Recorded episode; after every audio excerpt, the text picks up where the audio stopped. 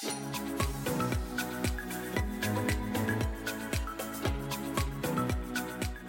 og velkommen til en ny episode av Milespodden. Denne gangen sitter vi i Stavanger, og i dag skal vi snakke om UX, User Experience, altså brukeropplevelse på godt norsk. Med meg i studio har jeg Elisabeth Hagen, designansvarlig for TV og underholdningstjenester i Altibox, og min kollega Camilla Emilie Davidsen, senior UX-designer her i Miles. La oss starte med en eh, kort introduksjon. Og jeg er spesielt nysgjerrig på hvordan var deres vei inn i UX-faget? Og grunnen til at jeg spør, det er eh, Det her er jo et fagfelt som kanskje ikke har vært eh, veldig, veldig kjent i Norge, i hvert fall. Så fortell gjerne litt om det. Vi kan starte med deg, Elisabeth. Ja, hei. Jo, for min del så ble jeg ferdig utdanna som grafisk designer i 2007. Så det, det er utdanningen min. Um, men veldig tidlig så kom jeg inn i IT-bransjen. Uh, jeg begynte i et lite firma i uh, Stavanger. Så på den tid het det Deg og Digital. Um, og jobbet der i et par år. Men det var først i 2010, uh, når jeg begynte i Bouvet, at jeg ble introdusert til UX-fagfeltet. Og um, da fikk jeg beskjed av um, sjefen min at hei, Elisabeth, du skal jobbe med UX. UX, tenkte jeg. Hva er det for noe? Så da gikk jeg rett til pulten min og googla UX. Ja, såpass. Ja, jeg var der. Um, og så var jeg så heldig at jeg ble satt i um, prosjekt med en veldig flink UX-designer. Så hjalp meg å komme i gang. Han um, eh, tipsa meg om bøker jeg kunne lese, artikler jeg kunne lese. Og så har det egentlig bare vært en reise med learning by doing. Um, jeg har vært ute hos veldig mange forskjellige kunder, forskjellige oppdrag, hvor jeg har testa ut forskjellige metodikker innen UX. Ja, og egentlig bare jobbet med det uh, de siste tolv åra. Ja. Din vei da, Camilla? Ja, jeg kommer jo litt fra andre enden, egentlig. Jeg har ikke noe sånn designbakgrunn, eh, men jeg har hatt, kan man si, en lang reise. Jeg starta med å studere opplevelse- og attraksjonsutvikling på Høgskolen Lillehammer, eh, som er litt sånn prosjektlederutdannelse. Og så tok jeg òg to år med musikkproduksjon, eh, som er min store hobby og lidenskap i livet. Og Etter det så begynte jeg å jobbe i et arrangementsbyrå som heter Høydepunkt her i Stavanger. Og jobbet der i uh, to år. Ja. Der um, lagde vi jo opplevelser for, for kundene, altså sant, konseptutvikling og prosjektleveranse. Uh, men da jobbet jeg òg ganske mye med å lage altså filmredigering, um, digitale invitasjoner, noen sånne små nettsider, og skjønte at det er jo dette jeg ville gjøre. Så da heiv jeg meg på internett og googla hva, hva kan jeg liksom bli mm. eller gjøre videre nå. Søkte både jobber og utdannelse, og så fant jeg da en bachelor på Universitetet i Bergen som heter media- og interaksjonsdesign. Eh, og underveis i denne bacheloren så skjønner jeg at det finnes noe som heter UX, eh, og finner at det, det er dette jeg må gjøre. Så ser jeg jo i ettertid at jeg har jo hele veien hatt en rød tråd sånn, til jobbet med formidling, skape opplevelser, fokus mm. på opplevelser, egentlig. Og um, nå syns jeg det er helt fantastisk å kunne jobbe som konsulent inn mot kunder og skape opplevelser og gjøre deres produkter enda litt bedre. ja. ja. Men hvis vi skal forklare hva UX er, hva det handler om, hva, hva vil dere trekke frem da? Altså, UX står jo for User Experience, eller brukersentrert design. Eh, det vil si at design som fokuserer på brukervennlighet. Eh, og for meg så betyr UX det å lage noe som er enkelt for andre å bruke. Eh, UX er jo et relativt nytt fagfelt, men det er ganske i vinden nå. Det begynner å bli mer kjent, spesielt innen softwareutvikling. Og ja, endelig får det ryktet og den kjennskapen det fortjener, mener jeg, da. Men praksisen rundt UX har jo eksistert i ganske lang tid, helt tilbake til 1950, faktisk. Mm. Eh, men det var Don Norman, sånn guden i UX, som tok det begrepet i bruk da i 1993. Men det er jo først nå at det begynner å bli en større greie, da. Men hvor viktig vil du si at UX er som fagfelt, da? Jeg mener at UX, eh, eller fokusen på UX gir stor verdi til alle produkter og tjenester, og spesielt innen softwareutvikling, som er ganske vanskelig å teste og forstå, så er liksom fokuset på hvordan mennesker skal bruke den teknologien, eh, utrolig viktig. Mm. Og det er jo litt det en UX-designer gjør, det er en brobygger mellom menneske og teknologi. Ja, nettopp. Og hvordan, hvordan fungerer selve UX-rollen? Hvordan fungerer det i praksis? Eh, ja, altså UX-rollen er jo ganske ja, brei. Man jobber med mye forskjellig, mange forskjellige stadier. Eh, jeg jobber ofte etter en metodikk som heter design thinking, som går gjennom fem faser. Der man starter med å empatisere med kunden eller brukeren. Ja. Eh, så definerer man Altså, man først forstår problemene deres eller behovene deres eller hvordan de jobber. Definerer det. Så går man inn i en idémyldringsfase, og så bygger man prototyper, og så tester man det. Veldig enkelt forklart. Mm. Eh, men denne prosessen itererer man jo mellom, så man hopper jo gjerne mellom disse trinnene, går tilbake igjen, og helt til man har funnet en idé som da fungerer, eller behov. Eh, og UX-rollen inn i et utviklingsteam, som jeg ofte jobber på, da jobber jeg som regel ganske tett sammen med produktutviklerne og strategi- og produkteiere, men òg med utviklerne, for at utviklerne ofte har veldig mye innspill til, til designet. Hovedtingen som vi gjør, er jo å bygge prototyper. Altså vi lager ferdige prototyper som kanskje er klikkbare, mm. eh, som ser helt ut som det produktet som man skal lage til slutt. Mm. Og så får man brukere til å klikke gjennom og teste, og så får man validert, eventuelt finne problemer da som man må fikse på. Ja. UX-rollen kan fungere litt forskjellig fra prosjekt til prosjekt. F.eks. for eksempel hvis du blir hyra inn midt i prosjektet, eller når det nærmer seg sluttfasen, eh, så får, vi, får man ikke utnytta den gode kompetansen en UX-ressurs har. Så det, det er absolutt å anbefale for å få best verdi av en UX-ressurs, at uh, vi får lov å bli med helt ifra start av prosjektet. Mm. Sånn får du utnytta vår fagkompetanse best mulig, um, fordi at um, vår styrke ligger i innsiktsfasen og i konseptfasen. Så, så hos oss i Altibox, da, så kjører vi UX-drevne prosesser helt fra start av et prosjekt. Og da vet vi at vi begynner i, i rett retning. Ja. Men du Camilla, hvordan ser en typisk arbeidsdag ut for deg? Det høres jo ut som at dagene kan være veldig varierte? Det er de absolutt. Veldig varierte. Um, og det kommer jo helt an på hvor man er i produktutviklingsløpet, hva mine arbeidsoppgaver består av.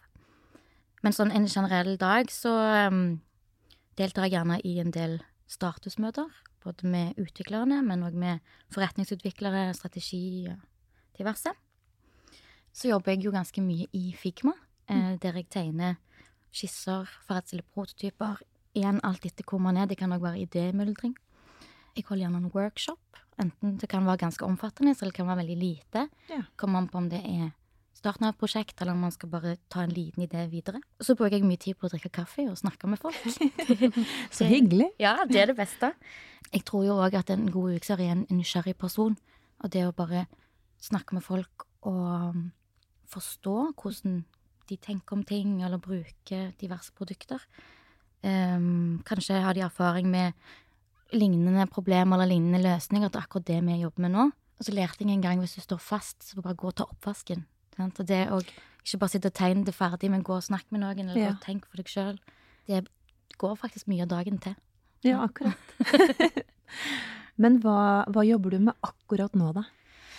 Akkurat nå er jeg innleid konsulent i Altibox, så der jobber jeg da sammen med Elisabeth eh, og en annen designer eh, mm. som et team inn i eh, underholdningsavdelingen. Og det vi gjør der, er å designe TV-løsninger. Eh, de har jo både dekodere, eh, webløsning og mobilapplikasjoner. Og Apple TV. Har jeg sagt alle da, Elisabeth? ja. um, så der er veldig mye å, å, holde fokus på. Det er mange flater. Uh, og så kommer det jo hele veien med nye funksjoner. Men òg mye vedlikehold og videreutvikling av det som allerede er lansert. Mm. Og apropos Altibox, så har vi jo med oss eh, Elisabeth. Og som jeg nevnte innledningsvis, så sitter du som designansvarlig for TV og underholdningstjenester. Hvordan er dere rigga på dette fagfeltet, og uh, har dere lang erfaring med bruk av UX-ressurser? Ja, um, jeg kan jo kanskje starte med en kort intro på hvem vi er. Vi er et selskap som utvikler tjenester og leverer disse til kunder gjennom eh, våre partnere. Og i Norge per i dag så har vi 30, mer enn 30 partnere spredd rundt i landet. De partnerne har direkte kontakt med kundene, hvor eh, partnerne sjøl eh, bygger og eier fiberstrukturen i området. Og så har vi seks partnere som er lokalisert i, i Danmark, som er godt dekka. Mm. Eh, I fjor eh, passerte um, Altibox Telenor som eh, den største aktøren innen um, TV og fast bredbånd. Eh, og det er en betydelig vekst sammenlignet med de andre aktørene, da. Og så har vi per nå 820 000 kunder totalt hvor 550 000 av de er, er, har abonnement på underholdningstjenesten vår. Eh, så regner vi at det er ca. 1,2 millioner brukere i snitt. Så det er ganske, mm. ganske mange. Ja. Um, så i lys av dette så er det veldig viktig uh, for oss med UX som en, en del av produktutviklingen. Ja, så for å svare på hvor lang erfaring vi har innen bruk av UX, så kan vi nok se 20 år tilbake i tid. Eh, helt tilbake til 2002. Ja. Eh, vi har lenge hatt eh, fokusgrupper, målt brukeratferd og brukertester.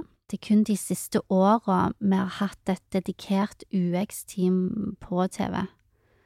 Og jeg er den første fast ansatte på UX, og ble ansatt i sommeren 2020. Uh, eh, og før det så har vi hatt innleide konsulenter. Uh, det har vi jo òg nå, sammen med meg. Og så skal vi alltid være tre designere på Altibox TV Underholdning, og med det så har vi et ganske godt rigga designteam. Men dere i Altibox dere har altså vunnet Norsk kundebarometer og EPSI kundetilfredshetsmåling både på bredbånd og TV flere ganger de siste årene. Eh, og jeg antar jo at eh, kundereisen, altså hele kundeopplevelsen fra bestilling til man tar i bruk TV-tjenester, er en av årsakene til at dere kanskje presterer så sterkt år etter år. Kan du si noe om hvordan dere bruker innsikt og brukeropplevelse på TV? Ja, som jeg nevnte, så har vi jo lenge hatt fokusgrupper og målt brukeratferd og brukertester. Um, så alt, Altibox har alltid hatt fokus på å høre på brukerne sine. Og derfor er ofte brukerintervjuer og brukertesting eh, en del av produktutviklingen. Mm. Eh, og for å få mer innsikt, eh, så har vi Facebook-grupper. Vi bruker Google Analytics. Um, vi har Vi følger med på AppStore, Google Play, uh, og så har vi egne kanaler så partnerne våre kan bruke. Og så får vi òg inn en del uh, innsikt via kundesenteret. Og all den innsikten prøver vi jo å samle og, og bruke for å, for å forbedre produktet. Og så starter vi alltid et prosjekt med en innsiktsfase. Eh, men der er det jo litt avhengig av hva vi skal lage, eh, hvor det er hensiktsmessig å, finne den nødvendige innsikten. Eh, og da kan vi eksempel snakke direkte med, med brukeren. Eller vi kan finne inn innsikt som kom, kanskje har kommet inn via eksempel kundesenteret eller, eller partnere.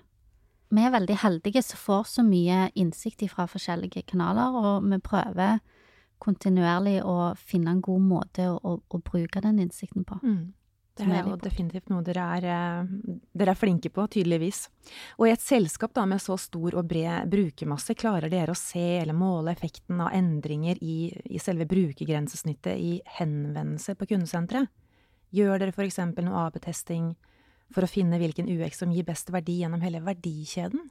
når vi har så mange brukere som vi har, så merker vi veldig godt på antall henvendelser på kundesenteret hvis brukeren for eksempel ikke forstår noe i løsningen vår, eller ikke liker noe vi lanserer. Um, så derfor så er det veldig viktig for oss å teste konsepter i forkant. Mm. Uh, og det gjør vi med at vi bruker tester på uh, konseptstadiet, litt sånn som Camilla snakket om. Uh, vi bruker kan bruke AB-testing, hvor vi for eksempel tester to versjoner opp mot hverandre. så velger vi da den som treffer best. Mm. Um, vi har pilotgrupper hvor vi tester nye versjoner før de kommer ut til resten av brukerne. Og det er sånn vi kan avdekke eventuelle hull i brukeropplevelsen og eller tekniske feil før vi slipper ut endelig versjon til alle. Mm. Eh, så det, de pilotgruppene er veldig viktige for oss. Ja. Mm. Vi ser jo at til tross for at bransje og domene varierer, så er det jo mange likheter i problemstillinger knytta til, til, god brukervennlighet. Hva er det som er viktig når dere henter ekstern kompetanse på dette feltet? Er det for eksempel å ha en god sparringspartner? Er det for å se eh, eller få nye synsvinkler eller erfaring fra tilsvarende problemområder? Og hvordan eh, opplever dere den verdien som UX-ressurser eh, faktisk leverer? Vi ser jo etter en god sparringspartner, det er viktig. Eh, men òg, som du nevner, så er det veldig fint med, med nye synsvinkler som kommer inn, for vi sitter jo og jobber med oppi produktet hver dag, så, så, så det er fint. Um, og hos oss så jobber vi både med UX, UI og tjenestedesign, så det behovet vi har hatt til nå, er, er konsulenter som har litt brei erfaring, og som kan jobbe med alle disse delene innen UX. Mm. Og Camilla forklarte egentlig veldig fint her i stad, med at det for henne så handler UX om å lage noe så andre enkelt kan bruke. Eh, og det er egentlig essensen i produktet vårt. Og vi opplever at det er, det er nettopp det vi får ut av UX-ressursene vi leier inn. Um, de hjelper oss med å oppnå det. Uh, for det, vi bygger ikke en intern forretningsapplikasjon, men vi bygger en, en, brukeropplevelse som veldig mange velger å betale for å ha. Mm. Og grunnen for at de gjør nettopp det, er fordi at produktet vårt innfrir behovet deres, og, og, det er enkelt å bruke. Eh, og så har vi jo òg en veldig brei målgruppe, alt fra barn til eldre mennesker, mennesker med kognitive utfordringer. Mm. Eh, og i tillegg må vi balansere opplevelsen mellom TV-kanaler, eh, som fortsatt veldig mange bruker, eh, og strømmetjenester som eh, kan strømmes. Og da er det viktig med UX-fagfeltet, som har fokus på å empatisere med brukeren og, og definere deres behov. Så hos oss eh, er UX-ressurser en del av teamet, på lik linje så alle andre roller så er essensielle for at vi skal kunne lage et bra produkt. Mm mange hensyn som uh, må tas, tydeligvis. Mm. Og det som du sier, da, at nå er jo ikke bare de for andre TV-leverandørene konkurrenter, men òg strømmetjenestene, sant. Så, så det er jo det er en ny verden og ja. helt andre konkurrenter, som, så Altibox må jo òg tenke nytt etter hvert. Mm. Og finne ut av hvordan fremtidens TV skal være. Mm. Men dere, hva er, hva er forskjellen på UX-design, UI-design og tjenestedesign? Ja, det er et godt spørsmål. Ikke noe sånn kjempetydelig svar. Eh, jeg ser ofte som UX som paraplyen, så alle de andre begrepene under. Um, tjenestedesign fokuserer nok mye mer på selve tjenesten, ikke ett produkt, men gjerne hele liksom, kundereisen fra bestilling til, til slutt, til ja, analysering. UX, interaksjonsdesign, handler jo mye om funksjonalitet og innhold, mens UI er mye mer utseende, altså hvordan visuelt nettsiden ser ut, fargebruk, font, Ja. pixel-pushing. Så alle de tre tingene er jo like viktige. Eh, så har man gjerne spesialkompetanse innenfor ja, den forskjellige, de forskjellige begrepene. Men eh, alle disse begrepene og rollene går jo litt inn i hverandre. Og som regel så jobber jo en UX-designer innenfor alle feltene, men med sin spesialkompetanse. Og jeg personlig liker jo veldig godt tjenestedesign, UX-design, ja, det du Ja. vil kalle det. Men innsiktsfasen, testing, idémyldring, konseptutvikling. Og så er jeg jo så heldig som får lov å jobbe med andre designere som er mye flinkere på form og farge, eh, og kan gjøre pixel-pushing og få det til å skinne enda bedre. Så det er jo en, en kjempestyrke i at vi er så forskjellige, har forskjellige kompetanser og kan jobbe i team. Mm. Men hva er det som gjør at en applikasjon eh, Hva er det som gjør en applikasjon perfekt, eller motsatt? Hva er det som ødelegger hele opplevelsen, til tross for at alt fungerer rent teknisk? Jeg syns det er veldig vanskelig å si hva en gjør en applikasjon perfekt, men det er litt eh, lettere å, å si hva som gjør den dårlig. Mm. Altså, det er ganske tydelig. Det er jo rett og slett når du ikke får det til. Mm. At du blir irritert, eller at du ikke skjønner hva du skal gjøre. Og da er det jo gjerne at det mangler feedback, at det mangler forklaring til brukeren eh, på eh, hva som skjer. Jeg er helt enig med Camilla. Det, det er ganske vanskelig å si hva som gjør en applikasjon perfekt, men eh, jeg personlig da pleier å jobbe etter utsagnet 'don't make me think'. Eh, hvis, vi, hvis man går inn i en applikasjon, eh, man tenker ikke over hva vi holder på med, eh, men du klarer enkelt å løse de oppgavene du har kommet inn der Rent for intuitivt. å gjøre, ja, Mm. samt at UI-et, sant, farger og form, gir deg eh, en god følelse, men du vet ikke det sjøl. Det bare bygger opp rundt resten av UX-en. Alt bare flyter. Eh, da tenker jeg at da har du gjort mye rett. Som eksempel kan vi trekke fram Se at du har et input-felt der du skal skrive inn e-postadressen din, så skal ikke brukeren lure på om det er brukernavn eller e-postadresse. Det skal bare Du skal ikke tenke, sant? du skal bare gjøre det. Mm. Eh, samme med Det er jo noen sånne konvensjoner på farger, sant? at grønt skal bli bekreftelse. Rødt er at det har skjedd en feil. Ja. Eh, og noen bruker jo disse om en annen, sant. Og det kan være et problem hvis det, disse fargene er profilfargen din. Så det er, det er mye sånne regler man skal tenke på, som vi må vite, men som brukeren ikke skal forholde seg til i det hele tatt. Sånn avslutningsvis så kan vi jo ikke snakke om UX uten å nevne UU, altså universell utforming. Hva er dette? Altså, universell utforming handler jo om å lage løsninger som skal kunne brukes av alle. At ikke, noen spesielle målgrupper må ha spesialløsninger, men samme løsning kan brukes av alle.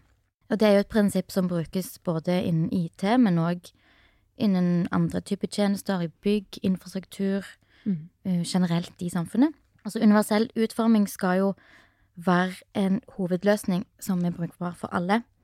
Eh, Og dette gjelder jo eh, like mye i eh, bygg og infrastruktur og i samfunnet generelt som i IT-løsninger. Mm. Jeg gjorde et eksperiment en gang sammen med en som jeg studerte med, som satt i rullestol, da vi skulle ut på byen, og for å se hvor mange barer han kom inn på. Og han kom inn på sånn, ja, én av ti. Mm. og så endte jo med at vi måtte bære han inn og bære stolen inn, sant? og det er jo ikke ønskelig. Man ønsker jo at han skal kunne bruke samme inngang, og ikke måtte ha med seg assistent eller ha med seg, ja. Mm. Um, og det gjelder jo òg for uh, IT-løsninger. At eh, man skal ikke være avhengig av hvis For eksempel hvis du ikke kan se, skal man ikke være avhengig av at noen andre kan se for deg. Mm. Du skal jo kunne bruke løsningen sjøl. Uh, og derfor er det jo òg utvikla en del uh, prinsipper eller krav for dette som heter VKG. Eh, der alle offentlige tjenester er pålagt ganske mange krav, og de private er òg litt mindre, men det er krav for private òg. Og det handler jo om å bygge eh, nettsider eller produkter og tjenester som er brukbare for alle i samfunnet. Mm. Enten om det er funksjonshemming, eller om det på en måte bare er rett og slett IT-kompetanse. At man skal forstå hva man ser. Det skal være enkelt, ikke for mye tekst. Ja. Altså, Det kan jo òg være så enkelt som at du sitter, du sitter, hjemme, og det er mye bråk rundt deg, du skal fylle ut et skjema, og du har gjerne et barn som driver deg i armen og, og maser, sant? Eh, og da er det jo fint hvis det skjemaet er såpass enkelt at du, du kan bare fylle det ut mm. uten å, å, å tenke. Så, det, så det, er jo, det, er jo, for alle. Så Camilla nevnte jo så fint at det, det er ikke bare for de med, med funksjonsnedsettelse, men uh, det er for å lage en bedre brukeropplevelse for folk flest. Mm. For oss i Altibox så lager jo vi tjenester for alle, og målgruppen vår, som jeg nevnte tidligere, er veldig stor. Det er fra barn til eldre, eh, og da er universell utforming gode retningslinjer for å, å få til akkurat det. Mm. Å lage noe så, så alle kan bruke. Ja, nettopp. Altså, hvem har ikke skrevet oppskrift til besteforeldrene sine på hva knappene på fjernkontrollen gjør. det kjenner man jo alle igjen i, men det mm. bør jo og skal jo ikke være nødvendig. Vi må prøve å lage løsninger som fungerer da for alle. Mm. Ja, og som vi har hørt i den samtalen her, UX handler ikke bare om å ha et pent design på et nettsted eller en app. Det handler om å tilrettelegge for gode brukeropplevelser som er intuitive og enkle, og ikke minst anerkjenne at bak gode grensesnitt er det mye innsiktsarbeid. Mye. Tusen takk for praten, begge to. Tusen takk. Kjekt vi fikk være med.